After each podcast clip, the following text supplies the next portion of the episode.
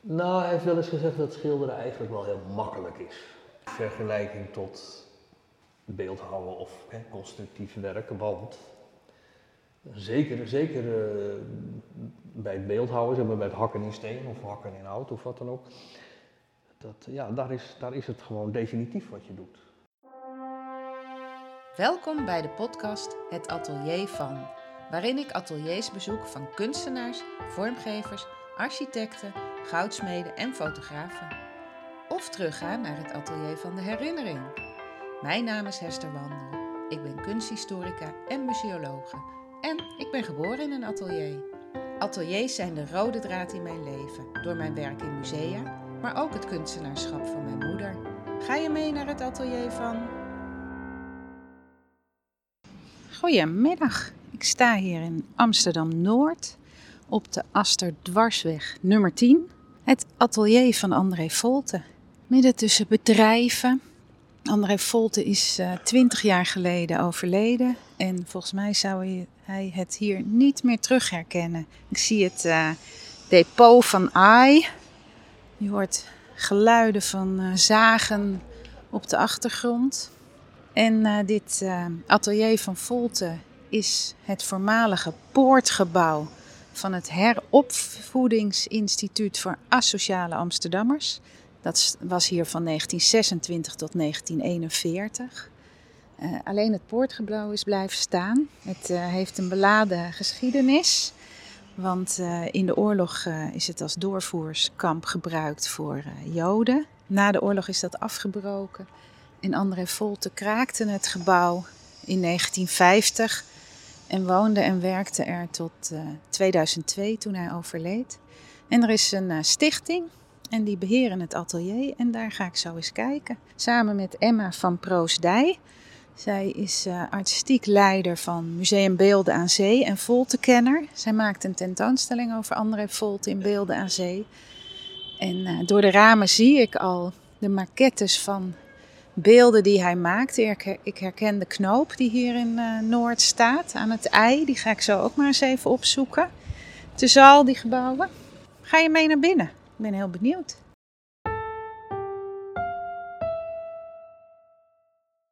Daar ben ik in uh, Atelier Volte en uh, sta hier met Emma van Proosdij. En jij bent Voltekenner, zo werd je aan mij aangekondigd.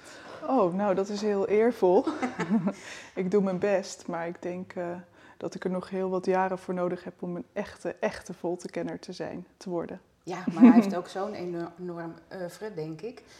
Want ik kwam net aan hier in uh, Amsterdam-Noord. En ja, ik heb me natuurlijk ingelezen en dan herken ik het gebouw. Maar dit was me nog nooit opgevallen. Het staat hier zo tussen allemaal gebouwen.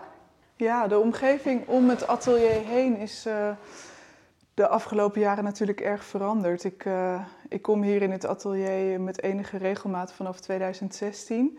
En iedere keer als ik van, uh, vanaf Amsterdam Centraal hier naartoe loop, dan is de omgeving helemaal veranderd. Er is hier een enorm aantal flatgebouwen, appartementencomplexen in aanbouw in de buurt. En soms loop je ineens over een nieuwe weg of dan is er ineens een bushalte gekomen. En toen ik hier voor, de, voor het eerst kwam, toen, toen was het gewoon helemaal nog nagenoeg kaal. Ja, yes, is het zo uh, snel gegaan? Ja, en dan kwam je als je hier naartoe liep uh, gewoon niemand tegen op die weg. En nu uh, is het heel levendig en zijn mensen hun hond aan het uitlaten.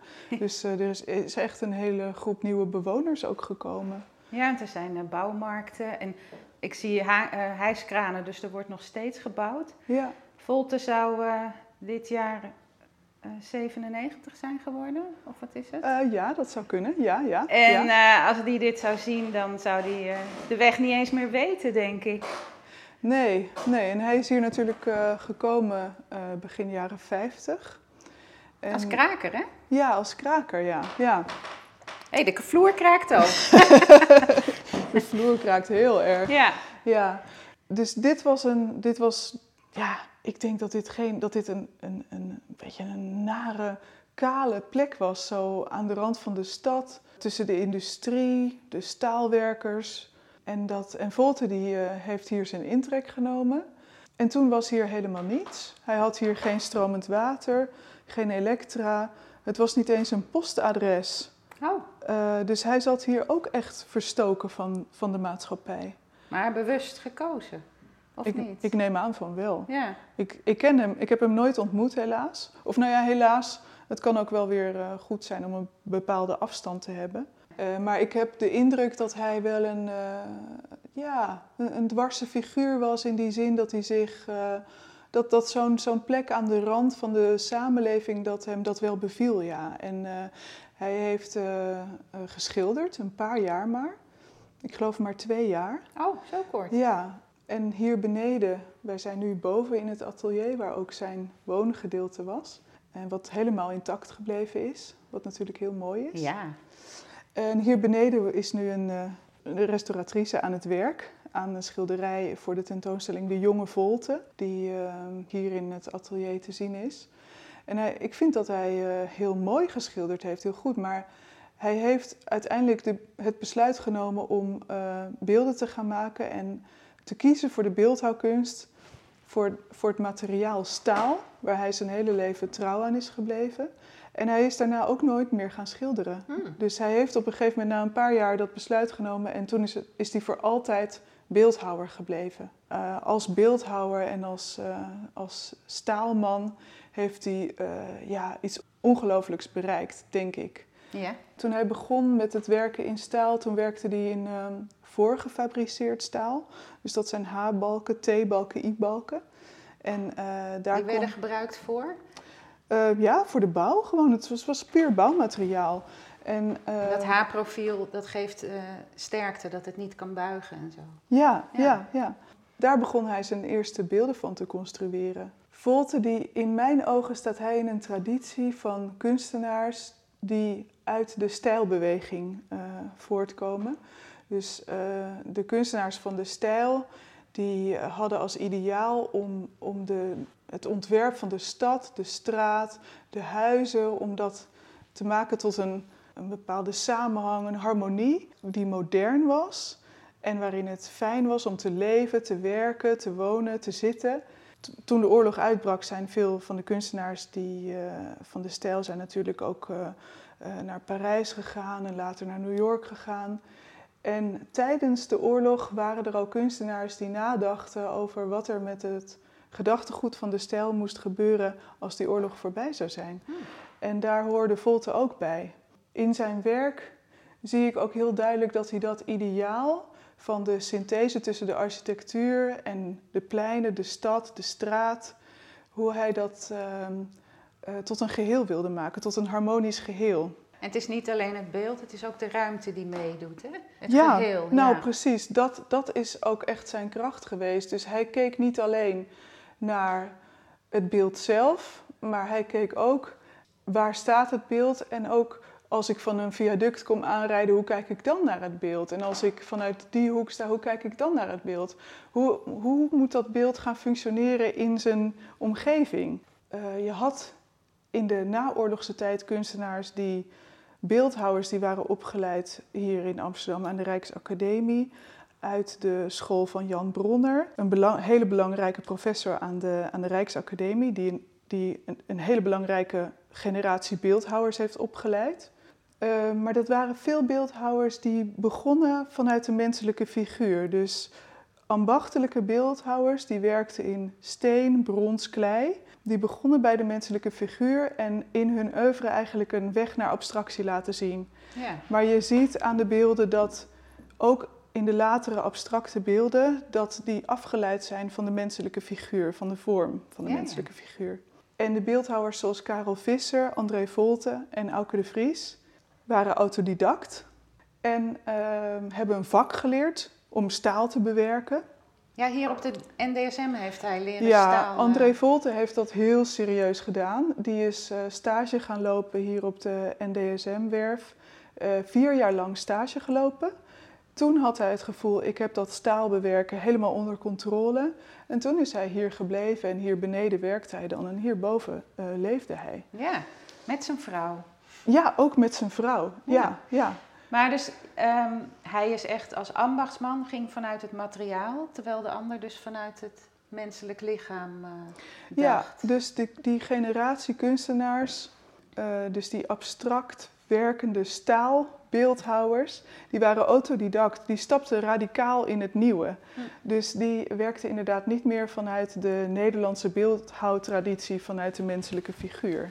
En verzette hij zich daar ook bewust tegen? Of was dat door zijn leeftijd, door met wie hij omging, dat hij... eh, Of dat, ja, hoe bewust dat was, weet ik niet. Maar ik denk dat het moet haast wel bewust zijn geweest. Want eh, je kiest ervoor om niet naar zo'n academie te gaan. Het is een houding, misschien niet zozeer anti-academisch, maar het is wel een houding van die staal. eh, dus hij werkte op de NDSM-werf met die staalmensen en, en hij leerde het van hen. En hij dacht, ik wil, ik wil me uiten en ik, ik leer staal bewerken. En dat is denk ik een heel andere houding dan dat je naar de academie gaat en een leermeester hebt.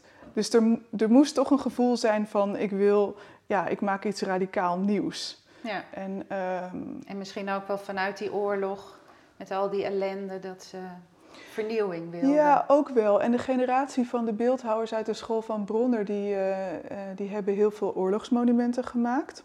Dat is natuurlijk ook eh, ja, heel erg logisch, want in de, dus in de jaren 50, dus dezelfde tijd dat, dat Volte hier begon, toen werden er natuurlijk heel veel opdrachten verstrekt voor oorlogsmonumenten. En daar is heel vaak de menselijke figuur nog heel belangrijk. Toen beeldhouwers zoals Auke de Vries en André Volte opdrachten begonnen te krijgen voor de eh, openbare ruimte, toen was daar ook een radicale verandering. Want die opdrachten eh, voor oorlogsmonumenten waren, eh, nou, werden gefinancierd vanuit bepaalde gemeenten. En toen kwam op een gegeven moment de percentageregeling beeldende kunsten.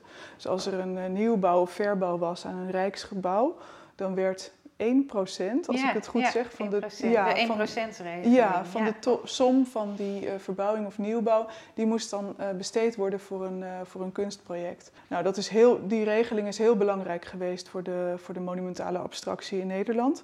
André Volte heeft veel opdrachten gekregen in dat kader. Maar de opdrachtssituatie was, was compleet veranderd, want het, het hoorde bij een gebouw. Dus het was ook logisch dat die beeldhouwers ook met architecten gingen samenwerken. Het werd eh, gemaakt in een ander materiaal, eh, dus staal. Dus eigenlijk is er in de jaren 50 een hele grote omslag geweest in de beeldhouwkunst in de openbare ruimte. En André Volte heeft in die, in die abstracte beeldhouwkunst een, een heel belangrijke positie in Nederland.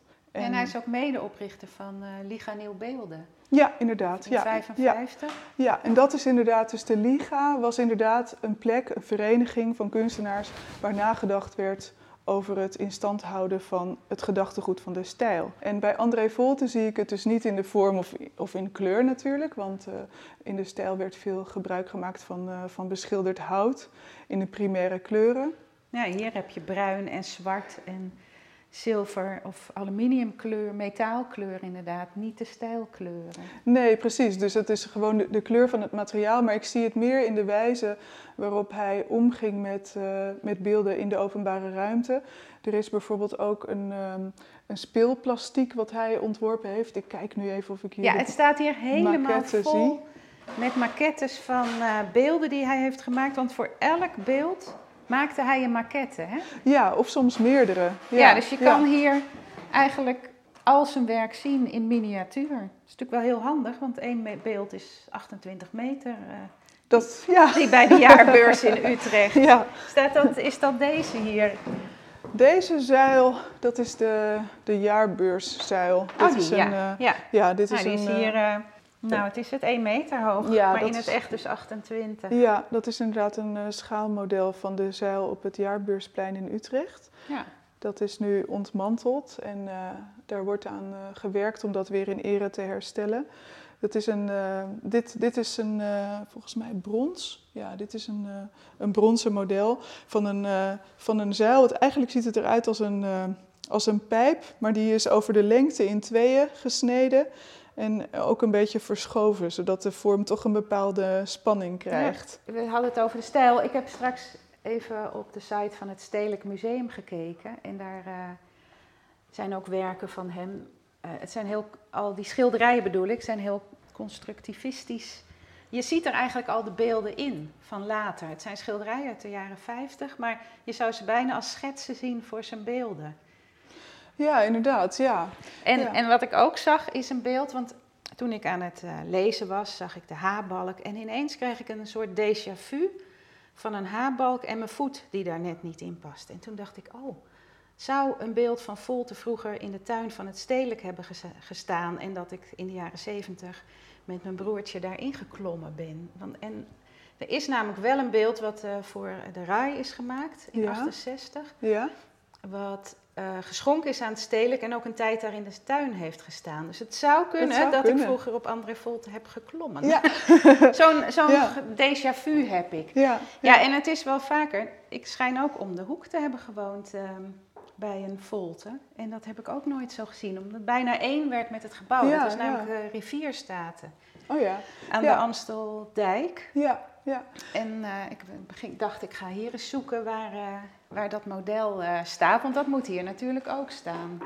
Nou, niet alles staat hier. Um, er, is ook, er is ook een opslag waar veel maquettes en modellen en oefeningen in plasticiteit, zoals die wel genoemd worden. Dus dat, zijn, dat zijn hele mooie tegels. Tegels van marmer met daarop allemaal messingblokjes. En die messingblokjes die zijn niet geometrisch, die zijn uh, eigenlijk oneven in de vorm. En dat, uh, ja, dat waren dus oefeningen. Dus uh, daarin zocht hij naar de juiste compositie en de juiste verhouding van die blokjes. En ik probeer me dan in te denken hoe dat is om dat te moeten doen. Want we kennen natuurlijk allemaal de abstracte schilderijen van uh, Piet Mondriaan bijvoorbeeld. Mhm. En Mondriaan die was bezig in het platte vlak om te zoeken naar de juiste harmonie in de compositie. En dat, het lijkt soms makkelijk als je naar een schilderij van Mondriaan kijkt, maar het is heel erg moeilijk om te zorgen dat zo'n compositie met kleuren en lijnen, dat het in balans is. Yeah. En eigenlijk die beeldhouwers, in mijn ogen, maken het zich zo ongelooflijk moeilijk. Want dan moet je dat ook nog eens in de drie dimensies doen. Dus dan moet je zorgen dat het in de ruimte een harmonie, in harmonie is. Met uh, het gegeven licht en de, het veranderende licht. Ja, het verander, ja. En ook soms de veranderende omgeving. En dat is natuurlijk. Bouwen die ineens schaduw werpen op je werk bijvoorbeeld. Ja, precies. Ja. En nou ja, nu op dit moment is uh, denk ik dat het werk van André Volte wel hier en daar wel bedreigd wordt. Want uh, veel van de opdrachten die hij dan in het kader van die percentageregeling heeft gehad. Nou, dan is zo'n gebouw meerdere keren van eigenaar veranderd, een andere bestemming een nieuw soort bedrijf. En dan op een gegeven moment zijn er mensen, gebruikers van zo'n kantoor, uh, die niet meer weten dat het een André Volte is. Of uh, ja, die, die er liever. Wat moeten we met Wat moeten we ermee? Of die liever wat anders willen. En die dat dan soms weghalen en eigenlijk geen idee hebben dat dat uh, heel belangrijk Nederlandse erfgoed is. Ja, het gebeurt ook veel met glas en keramiek werken in gebouwen. Ja, het wordt dan gewoon meegesloopt. Ja. Ja, ja. dus daarom hebben we hier ook een taak om te zorgen dat, uh, dat mensen ook weten dat er bewustwording is van, van de waarde van dit erfgoed. En uh, ja, om de kennis daarover te, te verspreiden en, en om te zorgen dat het dus uh, ook blijft bestaan. Je kan niet alles bewaren. Er, ik denk dat het beter is om uiteindelijk een soort in de openbare ruimte ook een soort kerncollectie te benoemen van beelden in de openbare ruimte die, ja, die benoemd worden als erfgoed, wat belangrijk is voor Nederland. En dat daarvoor gezorgd wordt, dat gezorgd wordt dat dat in een vitale staat blijft. Ja, want doen jullie dat ook als stichting? Dat jullie de beelden onderhouden? Of... Um, ja, de stichting André Volte, ik, ik, uh, soms help ik de stichting André Volt een beetje, maar ik zit zelf niet in het bestuur van de stichting. Nee, je bent adviseur, hè? Ja, inderdaad. Nou, ja, een mooie ja, rol. Ja, een schitterende rol. Wel de lusten, niet de lasten. Ja, dat, ja, want anders moet je het allemaal maar behouden. ja, ja, nee, er wordt heel hard gewerkt door het bestuur van de stichting. En zeker, er is iemand in de stichting die... Uh, Kees Paardenkoper, die heeft inderdaad in zijn portefeuille werken in de openbare ruimte. En uh, ja, dat, uh, dat kost heel veel tijd uh, om, om dat in kaart te brengen als er ergens iets is wat kwijt is of wat dreigt te worden gesloopt. Om dan ja, iedereen om dat beeld heen ervan te doordringen dat dat belangrijk erfgoed is en dat dat behouden moet blijven. Ja, want het, een gebouw of de gebouweigenaar is vaak dan ook de eigenaar van het kunstwerk natuurlijk. Ja, ik, ja, god, ik zou het verschrikkelijk vinden als, uh, als dit soort uh, werken van, van André Volte zouden verdwijnen. Ik vind het, de manier waarop hij bijvoorbeeld ook schoolpleinen uh, heeft ontworpen, dat vind ik zo bijzonder. Dus dat hij eigenlijk zich als beeldhouwer ook zo dienend kon opstellen. Dus hij kreeg, hij kreeg bijvoorbeeld de opdracht om een, om een plastiek, een beeld, te maken voor een schoolplein. En dan ging hij samenwerken met de architect en de projectontwikkelaar. En dan ontwierp hij dat hele plein. En, uh, en dan maakte hij uiteindelijk een sculptuur die ook gebruikt kon worden. Dus een, een gebruiksplastiek of een speelplastiek. Dus waar kinderen hun boterham konden opeten of waar ze op konden rennen en spelen. Dus En ik mocht waarschijnlijk ook wel met mijn je voetjes. mocht, je mocht vast wel met je voetjes op dat. Niet alle beelden van Volte zijn bedoeld om op te staan. Nee, maar, maar, eh, die goed, haarbalken waren zo het kan stevig. wel tegen een stootje. Ja, ja, precies. nou ja, en dat is ook met die eh, cirkel eh, voor de stopera. Maar die is ook zo geïntegreerd in de omgeving dat je er a- soms aan voorbij loopt. Ik zag Ja. een filmpje waar er allemaal troep op stond. Ja, ja. En, eh, maar ook wel bedoeld om op te zitten. Ja, inderdaad. Ja, ik kwam er ook laatst langs en toen eh, stond er ook, stonden er allemaal van die eh, ja, foto's. En je kan zien dat de gebruikers van, van dat plein niet, zich niet allemaal realiseren dat dat dus een sculptuur is. Maar ja, god ja, aan de andere kant is dat misschien ook niet zo erg als het maar behouden blijft. Ja, Het is wel, ehm, wat, ik, wat ik wel vind bij zo'n, zoiets als bij de Stopera, dat is dus inderdaad een halve cirkel. Het plein is schuin, die cirkel is dan recht. En dan is het wel heel belangrijk dat die eh, klinkers, dat die allemaal eh, recht en waterpas blijven. Maar het wordt allemaal zo bol en zo golvend. En dan, dan gaat dat wel een beetje ten koste van de zuiverheid van die sculptuur. Want ja. je ziet bij André Volte natuurlijk heel erg dat het allemaal. Eh, soms is iets natuurlijk schuin in een diagonaal. Dan is het echt zo bedoeld. Maar heel veel die oppervlaktes die zijn allemaal natuurlijk recht en waterpas. Het, is, Ja, het moet wel Eh, strak blijven. het moet, ja, eh, hij is begonnen met, met dat voorgefabriceerde staal. Hij is eigenlijk meegegaan met de ontwikkeling van het staal zelf. Dus op een gegeven moment kwam er roestvrij staal. Is hij daar ook in gaan werken. Dus daar zien we hier ook mooie voorbeelden Ja, van. dit van lijkt die- wel een stoel, maar van dat die is... is dat het? Ja, dit Oh, is, dit een, is wel dit bewust is een stoel. stoel. Ja, dit is een stoel. Ik- drie schijven van eh, staal, Ja, eh roestvrij staal. En die zijn in elkaar geschoven en dan kan je erop zitten. ja, ja, ik durf er absoluut niet op te gaan zitten. En nee, want ook is het nu een museum eigenlijk? Of... Ja, dit is een museum. Ja, je ziet hier ook bij, die stoel dat hier staat een inventarisnummer. Er ligt een kaartje bij. En dit is eh, de kerncollectie en het is de huiscollectie. Ah, Dus een paar ja, jaar... alles is geïnventariseerd. Ja, een paar jaar geleden is alles geïnventariseerd door een commissie. En toen is er een onderscheid gemaakt tussen een eh, collectie die hier dus bij de huiscollectie hoort. En een kerncollectie is er eh, geformuleerd. En nou, veel beelden zijn dus, zijn dus in de opslag. En ehm, En die kerncollectie moet echt bij het huis, of nou ja, dus in de depot, maar moet hier blijven. ja, die kerncollectie. En de rest zou verkocht kunnen worden of geschonken aan musea. Of, ehm, Nou, dat, ja, dat weet ik eigenlijk niet precies. Ehm, het is voor de, voor de stichting André Volte best moeilijk om, eh, om ook met de middelen die er zijn te zorgen voor eh, het behoud van alles. De kerncollectie, daar is in ieder geval van gezegd van nou, dat is door een commissie van eh, mensen die daar verstand van hebben zo belangrijk gevonden. Dat mag absoluut niet verloren gaan. Het is zijn die ook gekoppeld aan de werken in de openbare ruimte, waardoor je ze meer waarde geeft en niet zo makkelijk ehm weggedaan ja, kunnen worden, zeg maar. Volgens mij is echt een heel groot deel van die collectie van de stichting André Volte... eh, is inderdaad verbonden aan werk in de openbare ruimte. Dus het zijn maquettes en modellen.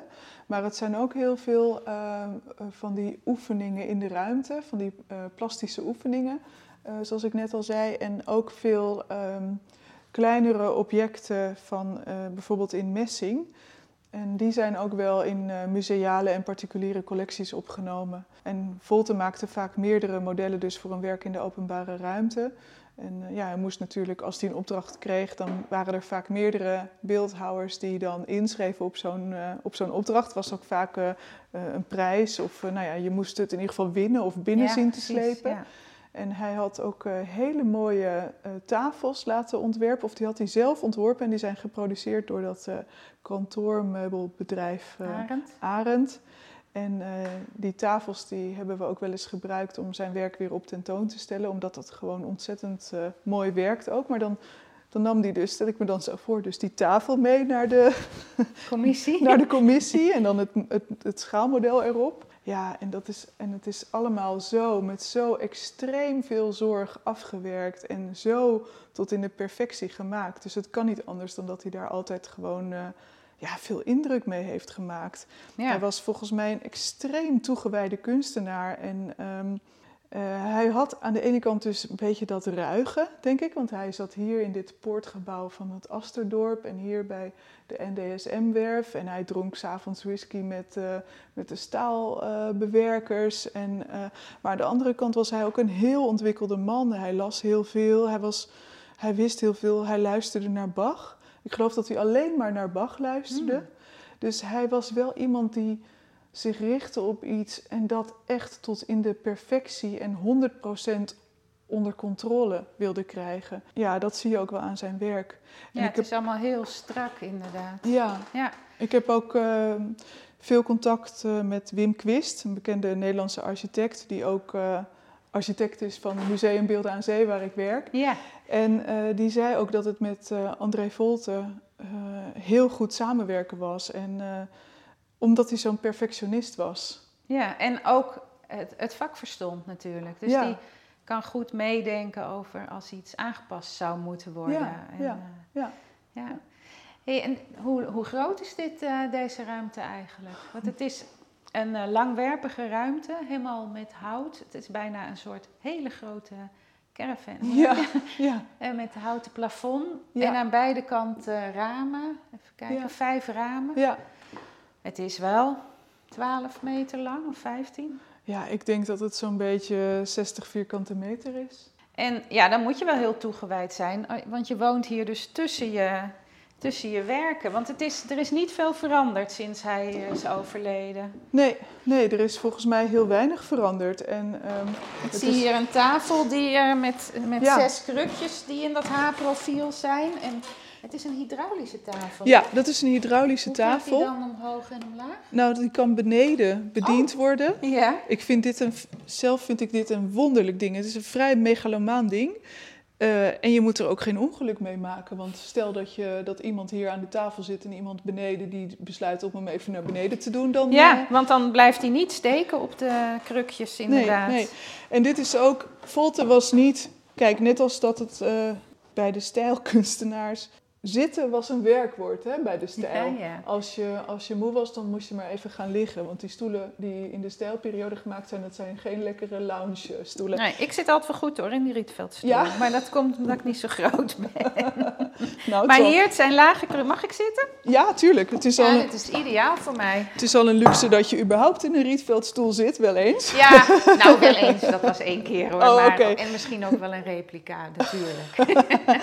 maar ja, het is inderdaad je zit actief. Het is goed voor je rug. Dus het, is goed voor je rug, maar als je dus na een tijdje inzakt, dan is het funest voor je rug. Ja, als je uh, zo'n dinertje hebt hier, ja. het is niet zo'n hele grote tafel, maar nee. met whisky dan... Uh... en het is ook, uh, die, die krukjes zijn dus ook ontzettend zwaar, want die zijn van zo'n stukje haarbalk gemaakt met een, met een houten blok erop. Ja. Dus het is ook heel moeilijk om ze te verslepen. Nou, dan is er nog een, een bank om, om te lezen en te zitten. Ja, een, een soort daybed is het. Met, uh, oh, het is een uh, koeienvel wat erop zit. Ja, inderdaad. Ja. Maar dit is, dit is gewoon als woning uh, en hij is hier uiteindelijk gebleven. Is het natuurlijk heel, ja... Dan... Het is enkel glas, denk ik. Nee, het is inmiddels dubbel glas natuurlijk. Maar het zal toen enkel glas geweest zijn. Ja, ja, dat ja, niet 50. anders. Ja, nee, ja. dat kan niet anders. En, um... Ja, je, je, de ramen zitten op... 1,20 hoog. Dus je, ja, je kijkt wel naar de lucht. Maar als je hier aan tafel of op de bank zit, kijk je niet naar buiten. Nee, nee. maar het is natuurlijk ook een ontzettend klein stuk om op te leven. Het, ik, als ik in deze woning zit, dan, uh, dan zegt mij dat alleen maar dat deze man alleen maar met zijn werk bezig was. En er zijn allemaal inbouwkastjes. Ja, ja, inderdaad. En hier, dit uh, moet een werktafel zijn die ja. geïntegreerd, dus ook bijna een, een, beeldhouwwerk, geïntegreerd in de, ja. in de kastenwand. Ja. Een schuin blad waar die op kan staan tekenen, denk ik. Halverwege is een kastenwandje gemaakt en daar zit ook zijn gereedschap.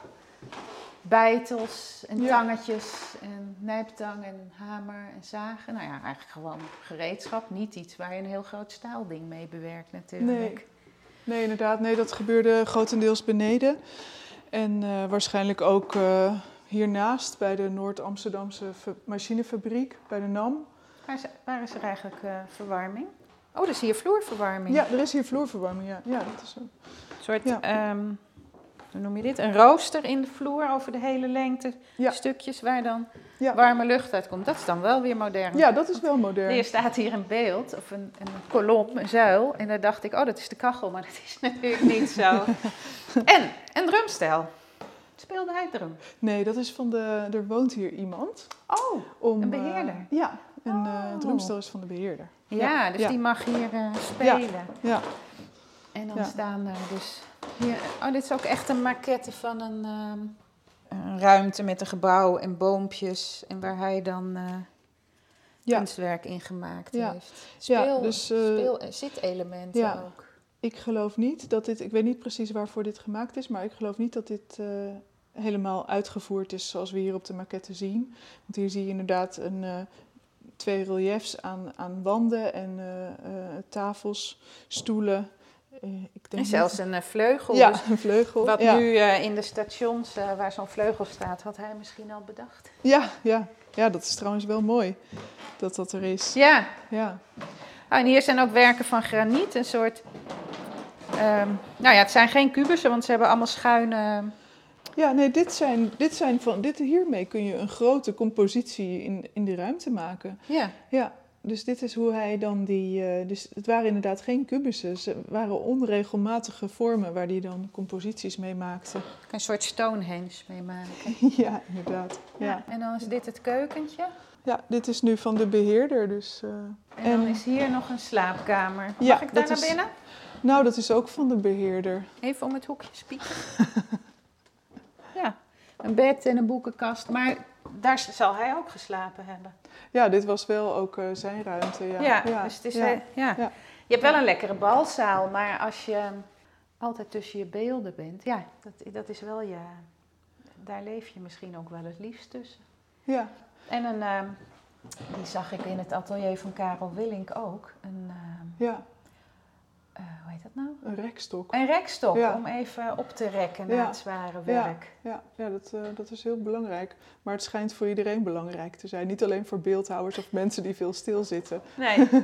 Misschien kan de restaurator beneden ook af en toe even aan de rekstok hangen, want die zit zo gebogen. Ja, inderdaad. Ja. Ik zie daar de maquette, is dat voor de, die bij het Frederiks, op het Frederiksplein staat? Ehm, welke bedoel je? Die, eh, met die, al die schijven? Of Eh, doet nee. het eraan denken? nee, die doet eraan denken inderdaad. Die, eh, op het Frederiksplein, die schijven zijn, daar zit minder eh, loze ruimte tussen. Die zitten dichter op elkaar. Ah ja, want dat is een monument voor Winkler Prins, maar ze Ja. noemen het de geld, Ja, de knakenpaal. de knakenpaal. Ja, ja, Ja, want ehm, Nederlanders, denk ik in het algemeen, want ik weet dat Amsterdammers en Rotterdammers dat doen, geven altijd meteen een eh, bijnaam aan iets. Hè? ja, ja. De, ja. ehm, de Stopra heet het kunstgebied. En, ehm, en hier zie ik het model van eh, wat dan men de knoop noemt. Ja, de Die knoop. staat hier in. ehm, ja, die staat hier in Noord aan, Ja. de, aan het ei. Ja, en eh ze twee schakels die in elkaar gedraaid zijn op twee lange ja, palen. En daar staat er één van in het water en de Ja. ander op de kant. Ja. Maar hij gaf het geen titels, hè? Nee, veel niet. Nee, nee. De meeste van de werken die kennen we dan inderdaad. eh, ja, je gebruikt meestal de naam van de plek waar het staat. En, eh, en inderdaad, eh, titels niet. Nee, nee, het zijn meer titels zoals oefeningen, plastische oefeningen. Ja, dus allemaal met een, ja, met een bepaalde afstand tot de zichtbare werkelijkheid. Het is, Je mag er ook het is heel abstract. Wat je Ja, erin ziet. ja, ja, ja. Oh, er staat zelfs een tweede beeldje van. En ik zie hier een schijf met een spiraal. En als ik dan naar buiten kijk, zie ik daar die in het groot. En die Ja. is van graniet of beton? ja, die is van steen, ja, of van beton. Ja, En dat is een schijf, nou die is wel echt groot. ja die En daaromheen zijn eh, stoelen van, ehm, ook van beton of wat Ja. dan.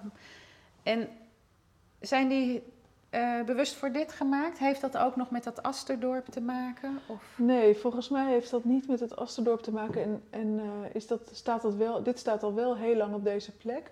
En naast eh, het atelier Volte is, een afdeling van het AI Film Instituut, waar zij hun dossiers bewaren en volgens mij hun collectie bewaren. Ja. En volgens mij kunnen ook alleen de gebruikers van AI, die kunnen op dat eh, terreintje, want ik ben zelf daar nooit geweest. Oh ja. er staat een hek voor, je- dus je kunt er niet bij. Nee.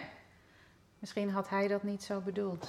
Dat je daar als kind toch op lekker mocht op spelen. Ja, nee, ik denk niet dat hij iemand was van, eh, van overal een hek omheen plaatsen. Nee, het was Nee. juist bestemd dat die, dat die kunst ook voor de mensen was. Ja, ja. Ja.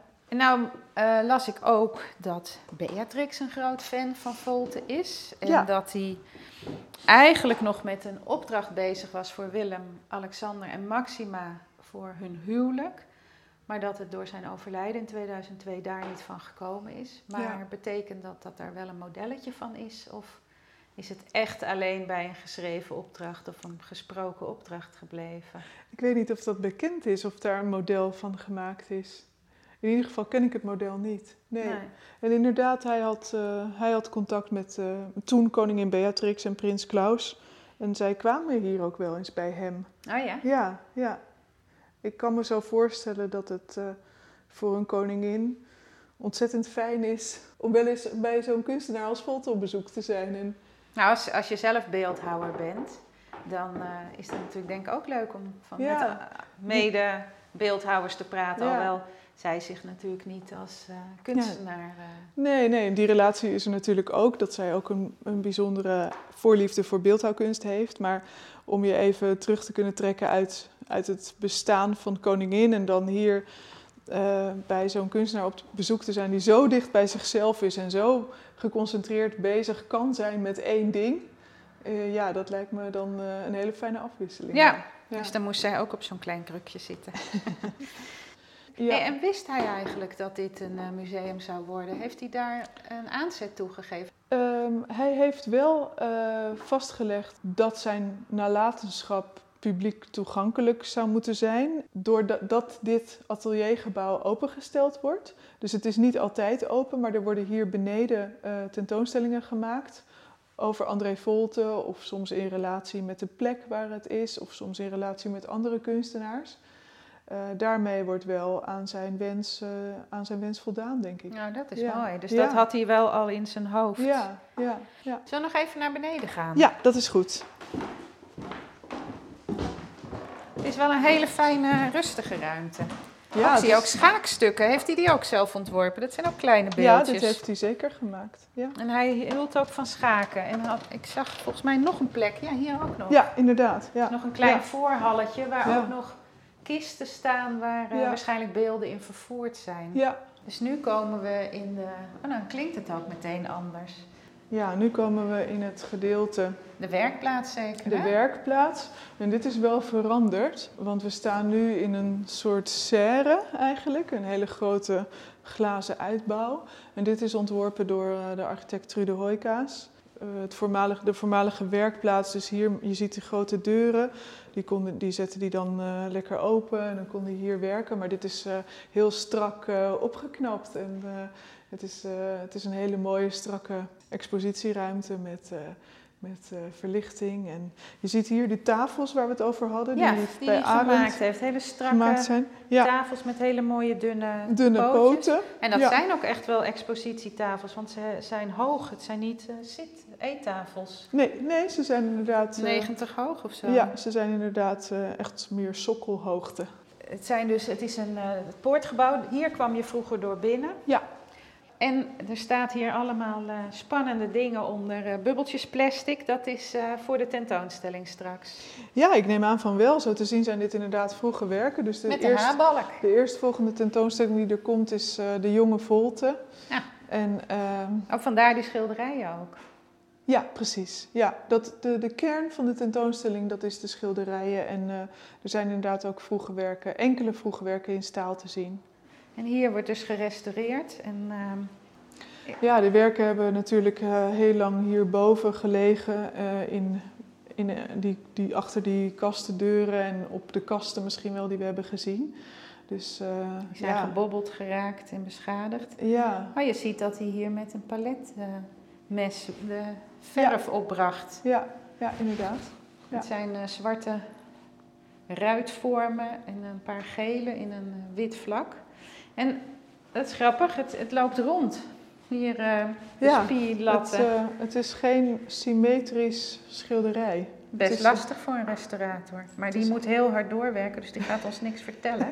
want het moet binnenkort af. Ja, de tentoonstelling moet open. Op de deur buiten, daar heeft hij ook, dit is Aster Dwarsweg nummer 10. En daar heeft hij ook die 10 gemaakt in roestvrij staal. Ja, Heel mooi. En daar zie je dan ook al eh, de hand van de kunstenaar. Dat roestvrij stalen werk, dat, dat slijt natuurlijk niet. Dat, Nee. dat blijft altijd zo in zo'n perfecte staat als het door hem is afgeleverd. En, dat, eh, en het blijft ook modern. en het, ja, precies. Het blijft modern, ja. Ja. ja. Nou, ik vind het heel mooi dat jullie dat met de stichting eh, in leven houden. En zeker met zo'n atelier erbij. Want anders is het zo'n werk in de ruimte en dan weet je, nou dan loop je eraan voorbij, zoals ik dus ook deed. Maar nu eh, kan je het verhaal blijven vertellen. Dat vind ik heel mooi.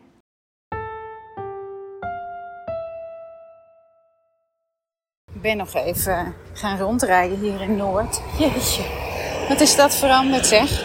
Maar ik heb hem gevonden hoor, de knoop. Bij de pont. Recht tegenover het pontgebouw. Ja, hier staat hij te schitteren in de zon. Wat leuk om nou net dat kleine modelletje daarvan gezien te hebben. Maar eh, jeetje mina, er is zo'n grote wijk hier gekomen. Ik weet nauwelijks waar ik ben. Niet dat ik Noord nou zo goed ken. Maar ik ga eens even goed naar dat beeld kijken.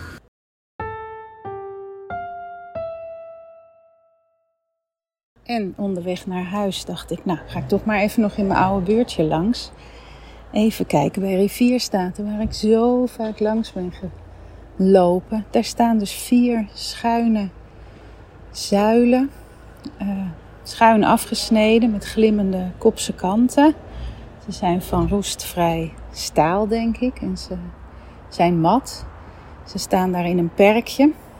Ja, het hoort er echt bij, maar gek hè, dat je dat dan eerder niet ziet. Maar leuk dat ik dit nu weet. Helaas heeft iemand ook een sticker erop geplakt. Maar ze staan schitterend te, te stralen in de zon.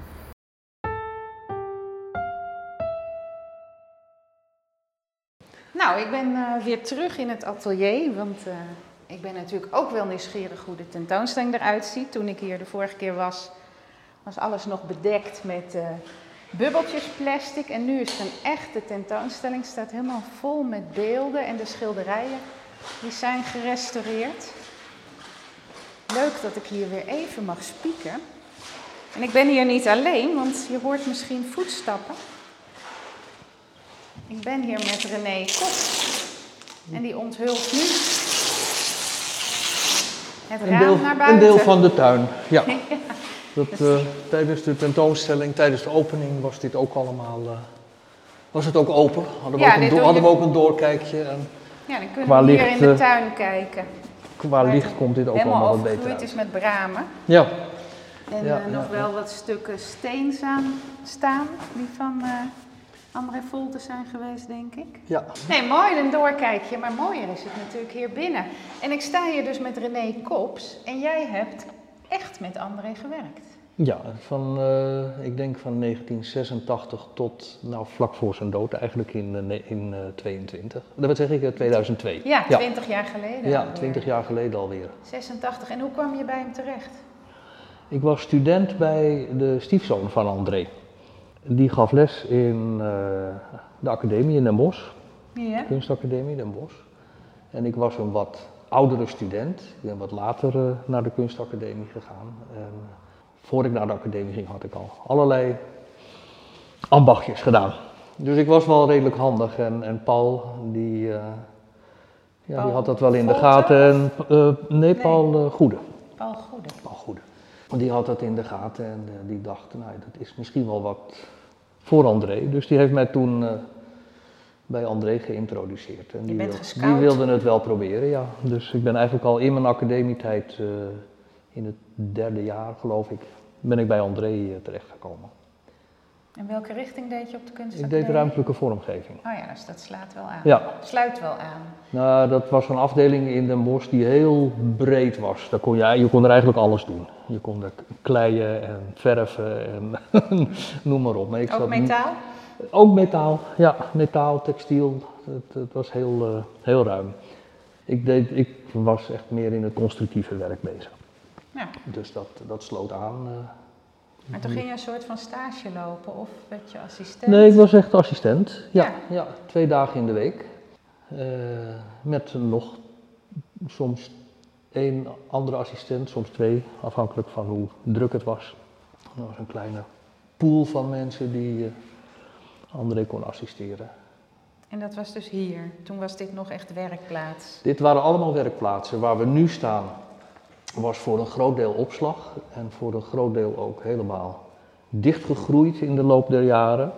Maar het was eh, de, de maquettewerkplaats. Hier werden de modellen en de, en de maquettes gemaakt. De achterste ruimte.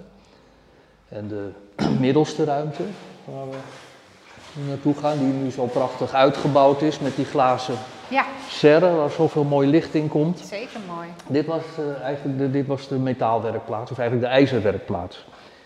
Hier kwam, zeg maar, door, door die roldeuren aan de straat kwam, kwam het grove materiaal binnen, zeg maar, de halffabrikaten. Hier werden dingen op maat gezaagd, hier heb ik eindeloos staan veilen aan, eh, Ja. aan platen en, en noem maar op.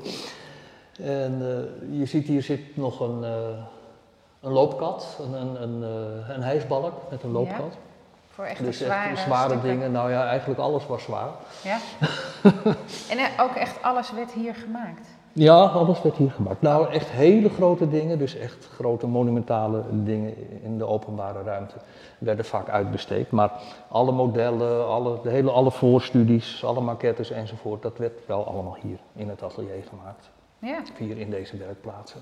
Dus eh, ja, het is nu mooi strak en het is echt Het een is galerie. ontzettend, ontzettend strak. eh, Maar toen waren het, stonden hier allerlei gereedschappen, het was heel, machines. heel zwaar en heel vies. En alles er, zat ja. onder de olie en overal eh, ja, vonken van lasapparaten enzovoort. Dat, En wat is er met die machines allemaal gebeurd? Ik denk dat ze naar een opkoper zijn gegaan. Je hebt zelf niks eh, mogen Nee, nee, nee, overnemen. nee, Want je doet dit ook nog, toch? Metaal of... Mm, heel sporadisch werk ik ook wel eens in, in de metaal. Ik heb een, zelf een werkplaatsje vlakbij de machinefabriek, de Noord-Amsterdamse machinefabriek. En dat was ook een plek waar André veel dingen liet maken. Ja. Nou, en de eerste werkplaats hier, hier werd alle. Hier werd het fijne werk gedaan, of eigenlijk het fijne werk. Het, eh, er stond een machine, hoe noemen ze dat? Een, een sterke arm, een schaafmachine. Er stonden polijstmachines, een draaibank stond hier. Mm. Dus hier werd alle, vooral in de, in de laatste jaren, heeft André heel veel messingsculpturen gemaakt. Ja, die werden hier allemaal. eh, En die maakte die echt tot het laatst ook zelf? Mm, Dat werd het, het, het, het werk werd meest door zijn assistenten Ah, ja. uitgevoerd. Hij maakte natuurlijk de modellen en hij gaf een schetsje en hij gaf de aanwijzingen. Ja, dan werd dat hier Ja. gemonteerd. En jij kon ook op de draaibank eh, werken? De draaibank was een beetje, daar is ooit, voor, nog voordat ik bij André kwam werken, heeft iemand zich daar eens lelijk aan bezeerd. Dat, eh, Oh, ik voel het in mijn benen. ja, Ja, ja, ja, dus dat was, ik heb er wel eens iets op gedaan, maar meer schuurwerk eh, dan, dan het echt daadwerkelijke draaien met de, bijtel, met de bijtel in het materiaal. ja. Het was een beetje, ja, was een beetje taboe, het apparaat. Oppassen dat je haren er niet in draaien. ja, ja, ja. Maar en was hij een strenge leermeester? Want jij maakte dan een model naar zijn idee. En was hij dan heel precies met, eh, met, met de maat en de Mm, André was uiterst precies. Ja? Ja, ja, ja, ja. ja. Hele grote marges kon je hier niet veroorloven. Nee. Maar André was ook, hij, hij, hij gaf aan hoe hij het hebben wilde. En nou, je mocht zelf wat aan experimenteren en doen. Het resultaat gold. Oh ja, dus dat jij een idee had van nou laten we het zo Ja, we hebben wel dan- eens, ja, ja, ja, dat, Ja. de- die ruimte was er. En ja, André wilde zich daar ook eigenlijk gewoon niet al te veel mee bemoeien, want hij had, André werkte heel geconcentreerd, werkte het liefst alleen. Zat hij dan boven? Het, het, het concipiëren van het hele geval, dat gebeurde boven. Maar André stond eigenlijk altijd heel veel, zomer en winter, werkte niet buiten. Mm. Dus waar nu, de, waar nu de glazen serre is, dat was, daar waren ook roldeuren aan die kant. Onder het afdak, wat, er was dus wel een, een, een, afdak. En daar waren buiten werktafels. En ja, daar heb ik André eigenlijk het meest eh, zien werken. En dat heb je niet eh, op foto vastgelegd. Dat was gewoon ongoing business natuurlijk. Dat ging, ja, dat ging Ja. gewoon door. Ja, ja, ja. Ik heb in de laatste, laatste anderhalf jaar dat ik bij André werkte, heb ik heel veel eh, geïnventariseerd van de, van de collectie. En toen heb ik, daar, zijn nog wel, daar heb ik nog wel een paar foto's van. Want dat, dat was daar een, ook een enorme opslag. En Ja. sommige dingen stonden er al 20, 30 jaar. Het eh, relief wat hier achter je hangt, dat is ook onder een grote berg roest vandaan gekomen. Ja, het zijn allemaal platen met gaten. En ehm, daar weer plaatjes dwars op gesoldeerd. Ja, het vermoeden is dat, dat dit nog allemaal eh, afvalmateriaal of restmateriaal van de scheepswerf is waar André Oh. als volunteer werkte. Ja, En het zijn contra, waarschijnlijk zijn het contraplaatjes voor ehm klingnagels. En ja, daar moet hij bakken vol van gehad hebben. En eh, die heeft hij tot die, deze een soort wolk. wolk, Maar dan, ja, ja, heel zwaar geroeste wolk. Maar als Ja. jij het niet had beschreven, dan was het door iemand anders op de schroot gegooid misschien. Dat is niet ondenkbaar. Ja. Ja, het is niet ondenkbaar. Ik, ben, eh, ik, ik heb geen, ehm, geen keuzes gemaakt in wat ik aantrof. Dus ik heb alles, in principe alles eh, gefotografeerd en beschreven. En dat was al in opdracht van hem? Was er toen al een idee? Was hij ziek? Of? Mm, nee, nee, nee, nee. Maar ja, alles, alles is eindig. Dus Ja, nou ja. eh, er was toen al wel een, een stichting in het leven geroepen om het... de- om Oh, de- daar was hij zelf nog bij betrokken. ja, ja. om de collectie eh, Oh, dus het meeste van het beschrijven te, gaan, te gaan beheren. Ja. hierboven, al die honderden stukken heb jij gedaan. Nee hoor, ik was niet de enige assistent. Nee, nee, Maar het is wel allemaal door, ja, het beschrijven wel. Ja, Ja. het is wel allemaal, vrijwel allemaal, ik denk dat, dat het 90% wel door mijn handen is gegaan. En dan vroeg je ook aan hem van wat is dit? Of weet je nog van wanneer? Of... Nou, daar zijn we dus nooit meer naartoe gekomen. Oh, dat is jammer, André ja. is eigenlijk te vroeg overleden. Ja, Ja. 77. Ja, ja. ja. want ik, eh, toen ik klaar was met, met eh, documenteren, ben ik een jaar naar Noorwegen gegaan. En dat was een beetje tegen André's zin, want ja, die had... Had andere plannen voor ja, je. ja, ik, had ook wel eens, eh, ik wilde ook wel eens even een, eh, een verzetje. Dus, Ja? eh, en ja, en toen ik daar nog geen maand was, toen overleed André. Dus dat was heel naar. Ja. Ja, ja dat was ook echt, eh, ja, gaf mij ook echt het gevoel van ik, ik heb iets niet afgerond. Niet, Ja. niet af kunnen sluiten, want ik had inderdaad met die, ja, met die mappen met het documentatiemateriaal gewoon nog uitgebreid met André willen praten. Hè? Dat hij over alles, over ieder ding nog iets Wist te vertellen. kunnen ja. zeggen. Ja, ja. Kon je het zelf met je eigen kennis die je van daarvoor had nog wel aanvullen? Dat je dacht, oh, maar dat weet ik nog, want toen gebruikte die dat of dat. Dus Ja, voor een deel. Nu, eh, ik assisteer er nu nog vaak, of vaak, ja, soms met, met het inrichten van tentoonstellingjes en zo die van zijn werk worden gemaakt. En dan, eh, ja, dan wordt er soms nog wel uit mijn geheugen geput. ja. Voor zover nog aanwezig, hè? Dus, eh, ja, maar het zijn soms hele kleine dingen dat je denkt, oh, maar dat was toen. Ja, En, eh, ja, ja. En ja, je was hier dan een hele dag. Eh, aten jullie boven samen een boterham? Of, eh, ja, Ja, want dat was gewoon zijn huis natuurlijk. ja, Ja. ja. En zijn vrouw was er ook En altijd. Sophie was er ook altijd, ja. ja dat was een, een twee-eenheid. Die, Ja? ja, ja, ja, ja. En heb je van hem nog speciale dingen geleerd die je later in je eigen werk ook gebruikte? Nou, ja, in zekere zin wel natuurlijk. Maar ik werkte heel anders dan André, op een hele andere manier. Maar wel de, de aandacht die je aan dingen moet besteden. En ook dat, eh, ja, dat het niet zomaar vrijblijvend is wat je doet. Dat kunst wel degelijk eh, nou, enige zwaartekracht heeft. Of enige. Het verschil kan maken. Ja. Ja. Ja. Heb je ook een favoriet werk? Ja, ik ben toch wel gek op dat vroege werk ook. Ja? Dat hele vroege werk. En dat, ja. dat las ik dat dat best een tijd, eh, of dat er ook nog een zolder is of waar dat dan die schilderijen hebben gelegen. Ja, ja, ja, ja, ik wist daarvan. En ik ben- was zo aangenaam verrast toen ik eh, vorige week binnenkwam en het hier zou hangen. Ja, is weer Want wat ik- anders ik dan in zo'n stapeltje. Ja, ik moest wel eens op het vlierentje zijn, omdat daar, daar waren, lagen ook de catalogie opgeslagen en zo. Dus ja, dan klom ik dat kippenladdertje op, ging ik door het luikje en Oh, nou haalde, klein. Ja. haalde naar beneden wat er eh, gehaald moest worden. En ja, toen zag ik ook wel zo die hele stapel schilderijen. Dus daar ben ik wel eens doorheen gebladerd. En toen dacht ik van, nou, dat je dat nou niet weg hebt gedaan. Ja, maar als je het nu bij het elkaar zag ziet. Er, nou, het zag er niet uit. Ik dacht even, nou ja, dit, dit, dit, dit gaat op een gegeven moment in de vuilnisbak. Maar nu het gerestaureerd is en, en het is, eh, is fantastisch. Ik zou, ik zou graag een paar werkjes gewoon als bruikleen eh, Ja, voor een jaartje aan mijn muurtje willen hebben. ook, nou, Best je wel. weet me nooit. Ja. Ja, deze, dit schilderij eh, was, toen ik hier laatst was, werd, dit, eh, werd hier de laatste hand aan eh, gelegd. Dat Ja. zwarte met witte en gele, ja, wat zijn het? Het trapezium niet, maar een rechthoekige. Ja.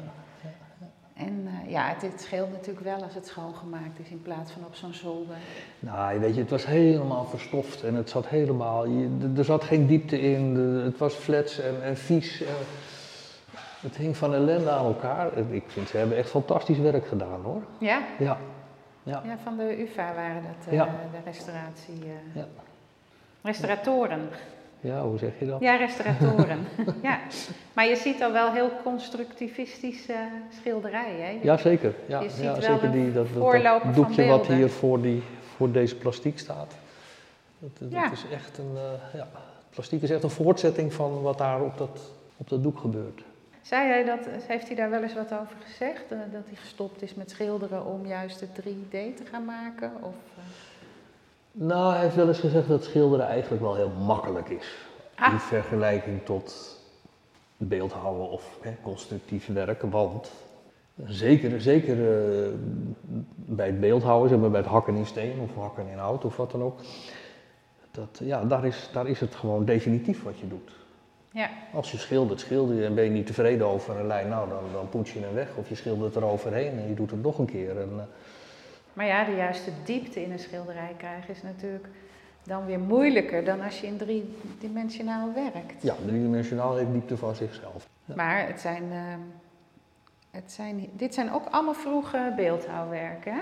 Dus het zijn constructies met metaal en Ja, eh, ik ges- denk gelast. 1955, 1965 zo. En is dit echt hout? Ja, heeft hij uit hout Dit gehakt? is, ja, dit is tropisch, een, een tropische hardhoutsoort. Ik zou niet weten. Beetje Henry Moore met zo'n gat erin. Mm, En, en hier is iets van gips, of nee, dat is ook nee, het is steen, is ook natuursteen, ja. ja. Ja, zie je wel echt dat het vroeg werk is. Nog een beetje geïnspireerd op Naum Gabo met al die eh, Ja. draadjes. ja, ja. En dan, dan wordt het steeds puntiger. En daarna Mm. veel meer rechthoekiger. En die H-profielen zie je dan. Ja. Zo Haarprofielen en later worden het echt ja, En dan worden het heel, weer... veel, heel veel kubusvormen die met doorsnijdingen en En schuine lijnen veel erin. En eigenlijk ook wel weer schilderijen in, ehm, van metaal aan de muur. ja, de reliefs. Ja. Ja. Nou, het is een mooi doorkijkje zo vanuit het eh, fijn eh, atelier naar de Ja. grove atelier en dan naar de opslag. En, dan weer, ja. En heb je er ook in het begin, na zijn overlijden, of toen het zich allemaal ging vormen, ook mee geholpen dat allemaal leeg te halen? Nee, ben ik, daar ben ik niet bij betrokken Ook wel geweest. lekker, denk ik. Ja, dat vond ik wel oké. Dat je kan komen als het weer een beetje opgeruimd ja, is. Ja, ja, ja. Ja, want als het zo vol staat, wat een werk. ja, André heeft een enorme productie. eh, Nou ja, ook langdurig eh, kunst gemaakt Zeker. natuurlijk. ja. We kunnen misschien even naar boven lopen. Ja. Ik Dat is goed. denk dat het gewoon open is. Heel veel zwaar werk moest over dit trappetje met een, Nou. eh, met een karretje. Met een- Geen eh hijsluik boven. drie, ja, was er ook. Nog zwaarder werk moest over het hijsluik. Ja. Door het hijsluik. Maar dat ging nogal lastig open, dus dat gebruikten we niet echt heel vaak. ja, je zal hier veel eh, over het trappetje zijn gegaan. Kijk, hier staat nog een schaaktafeltje van André. André heeft in zijn leven ook heel veel schaakspellen gemaakt. En waar is dat mee ingelegd? Dat is wel steen of zo, hè? Tegel. Eh, aluminium en, Oh, aluminium en eh, geoxideerd koper. Geoxideerd eh, messing. oh. Of ge- gepatineerd, zo te zien. Donker gepatineerd messing. oh ja, ik zie het hier. Ja, Nou, mooi. nee, prachtige schaakspellen. Hij was ook een hele vervente schaker. Meestal op de dagen dat de assistenten hier aan het werk waren, daar wilde hij zich niet zo mee bemoeien. Dus dan was hij, bleef hij vaak, zat ook vaak boven en dan troffen we meestal schakend aan als we Nou ja, iets mag je van ook wel hem- eens... iets van hem moesten weten of eh, instructie moesten hebben. En eh, Het ruikt hier een beetje naar sigaretten. ja, zo rook het hier ook. Tot een, nou ik denk drie, vier jaar voor zijn overlijden. Toen rookte André nog redelijk. Tot het echt niet meer mocht van Sophie en van de dokter. Ja. Heb je ook wel eens met hem geschaakt? Nee, André die, die schaakte, ik heb hem nooit met iemand zien schaken. En volgens mij had hij daar ook een hekel aan, want het is een soort competitiesfeer hangt daaromheen. André loste schaakproblemen op. En hij Ah, ja. had wel schaakvrienden, maar die wisselden dus schaakproblemen uit. Ja, ja. Dus mat in, zo in, in drie zetten, zeg maar, bij een bepaalde opstelling. Ja, Daar kon hij dagen mee bezig zijn. Ja, ja, het is echt puzzelen, maar dat is Ja. dit natuurlijk Ja, ook. dat is dit ook. Ja, en ik, ik, ik denk gewoon dat zo op de achtergrond, tijdens dat schaken, dat gaf hem ook een bepaalde, ja, bracht hem in een meditatieve stemming. En daar Ja. kwamen de, ja, loste hij dus ook de problemen in het werk eh, op. Maar hier is ook weer zo'n schaakbord, hè? Nee, nee, nee, dat is een modelletje van eh, een, een werk in New York, Oh, Metro New York. oh ja. En is dat er nog? Ik, ik denk het wel, Oh. ja. Ja, is niet iets wat je zomaar wegpoetst Nee. zo'n stad. Het is een eh, heel klein tafeltje ook, of het staat op weer zo'n Ja, een tabouretje, ja, haarbalk taboeret. Met allemaal buizen van eh, aluminium. Het, ja, dit zijn, eh, ik, ik meen me te herinneren dat het ehm, onderdeel uitmaakte van de ventilatie, het Ja, daar kan je wel-. Moet meteen aan Marilyn Monroe denken. Met de opwaaiende jurk. Oh ja, nou, die associatie heb ik hier Oh, niet nee. hoor, maar Ik heb er weer. ja. En eh, eh, zijn hier nou dingen waarvan je zegt, oh ja, maar die heb ik gemaakt? Moet ik even, die heb ik uitgevoerd. André heeft het gemaakt. Ja, ja, uitgevoerd. Uitgevoerd. Ja, nee, moet wel precies zijn Ja, inderdaad. ja, ja. Nou moet ik eens even kijken. Nee, het meeste heeft hij toch. Kijk, al, al, die, al die houten modellen die zijn door. Nou, ik durf te zeggen voor 90% door André zelf eh, gemaakt. Ja, Ik meen dat ik dit heb uitgevoerd, dit, dit modelletje. ook weer een plaat met daaruit stekende cirkels. Die, is, het, is het een kunstwerk wat in de vloer eh, zou moeten... Ja, Is het ook echt in het groot uitgevoerd? weet het niet. Nee, weet ik niet. En hoe vind je het nou als je hier weer loopt? Ja, ik herken veel, maar het is, het is niet, eh, niet zoals het was. Nee, nee. Nee, nee, nee. Nee, de man zelf is er ook niet meer. Dat is, eh, was een goede werkgever wel, André hoor. Ja? Ja, ja, echt. Als hij tevreden was. En, ehm, hij kon natuurlijk wel heel, hij kon heel kritisch zijn. Vooral ook op je houding, de manier waarop je, hè, waarop je met toch dat hele serieuze bezig was. Niet te lichtvaardig over, eh, Nee. Over oordelen. En, eh, maar als er, als er een werk was opgeleverd of eh, een tentoonstelling was geopend en het was allemaal goed gegaan enzovoort, dan, eh, dan was hij gul. Ah, ja. Dan was hij echt, ja, dan kwam er wijn op tafel en dan, dan werd het wel gevierd. Nou, leuk, ja. En dan kregen we ook wel een extraatje. Dat, eh, Ging je nog wel eens naar hem toe later eh, ehm, voor advies? Of, eh, of dat je misschien een gereedschap bij hem kon gebruiken nog? Of, eh, nee, dat deden we ja. niet. Je had alles gewoon zelf. Ja. En, Ja, ja. Dat heb ik misschien wel van André geleerd. Gewoon onafhankelijk, ja, ja. onafhankelijk zijn. En, Ah, nou, dat is een mooie. ja. En je bent ook nog altijd bezig. ja, maar niet, niet meer in de kunstwereld. Nee? nee. nee. Ik bouw bootjes en restaureer bootjes en Oh. maak meubels. En, Nou, is toch ook een kunst? ja, dat is wel een andere tak. Niet de vrije kunst. Niet de vrije kunst. Nee, Dankjewel voor deze aanvulling. graag gedaan.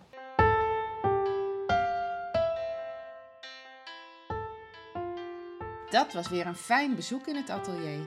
Krijg je er ook zo'n zin van om zelf aan het werk te gaan? Of ben je nieuwsgierig naar hoe het er bij een ander uitziet? Luister dan naar de volgende podcast, waarin ik weer bij een heel andere kunstenaar op bezoek ga. Denk je nu, kom ook eens bij mij langs? Of je moet toch eens echt bij die en die gaan kijken? Laat het me dan weten in de comment van deze podcast. Of via de mail hetateliervan@gmail.com Of volg me op Instagram via @hetateliervan.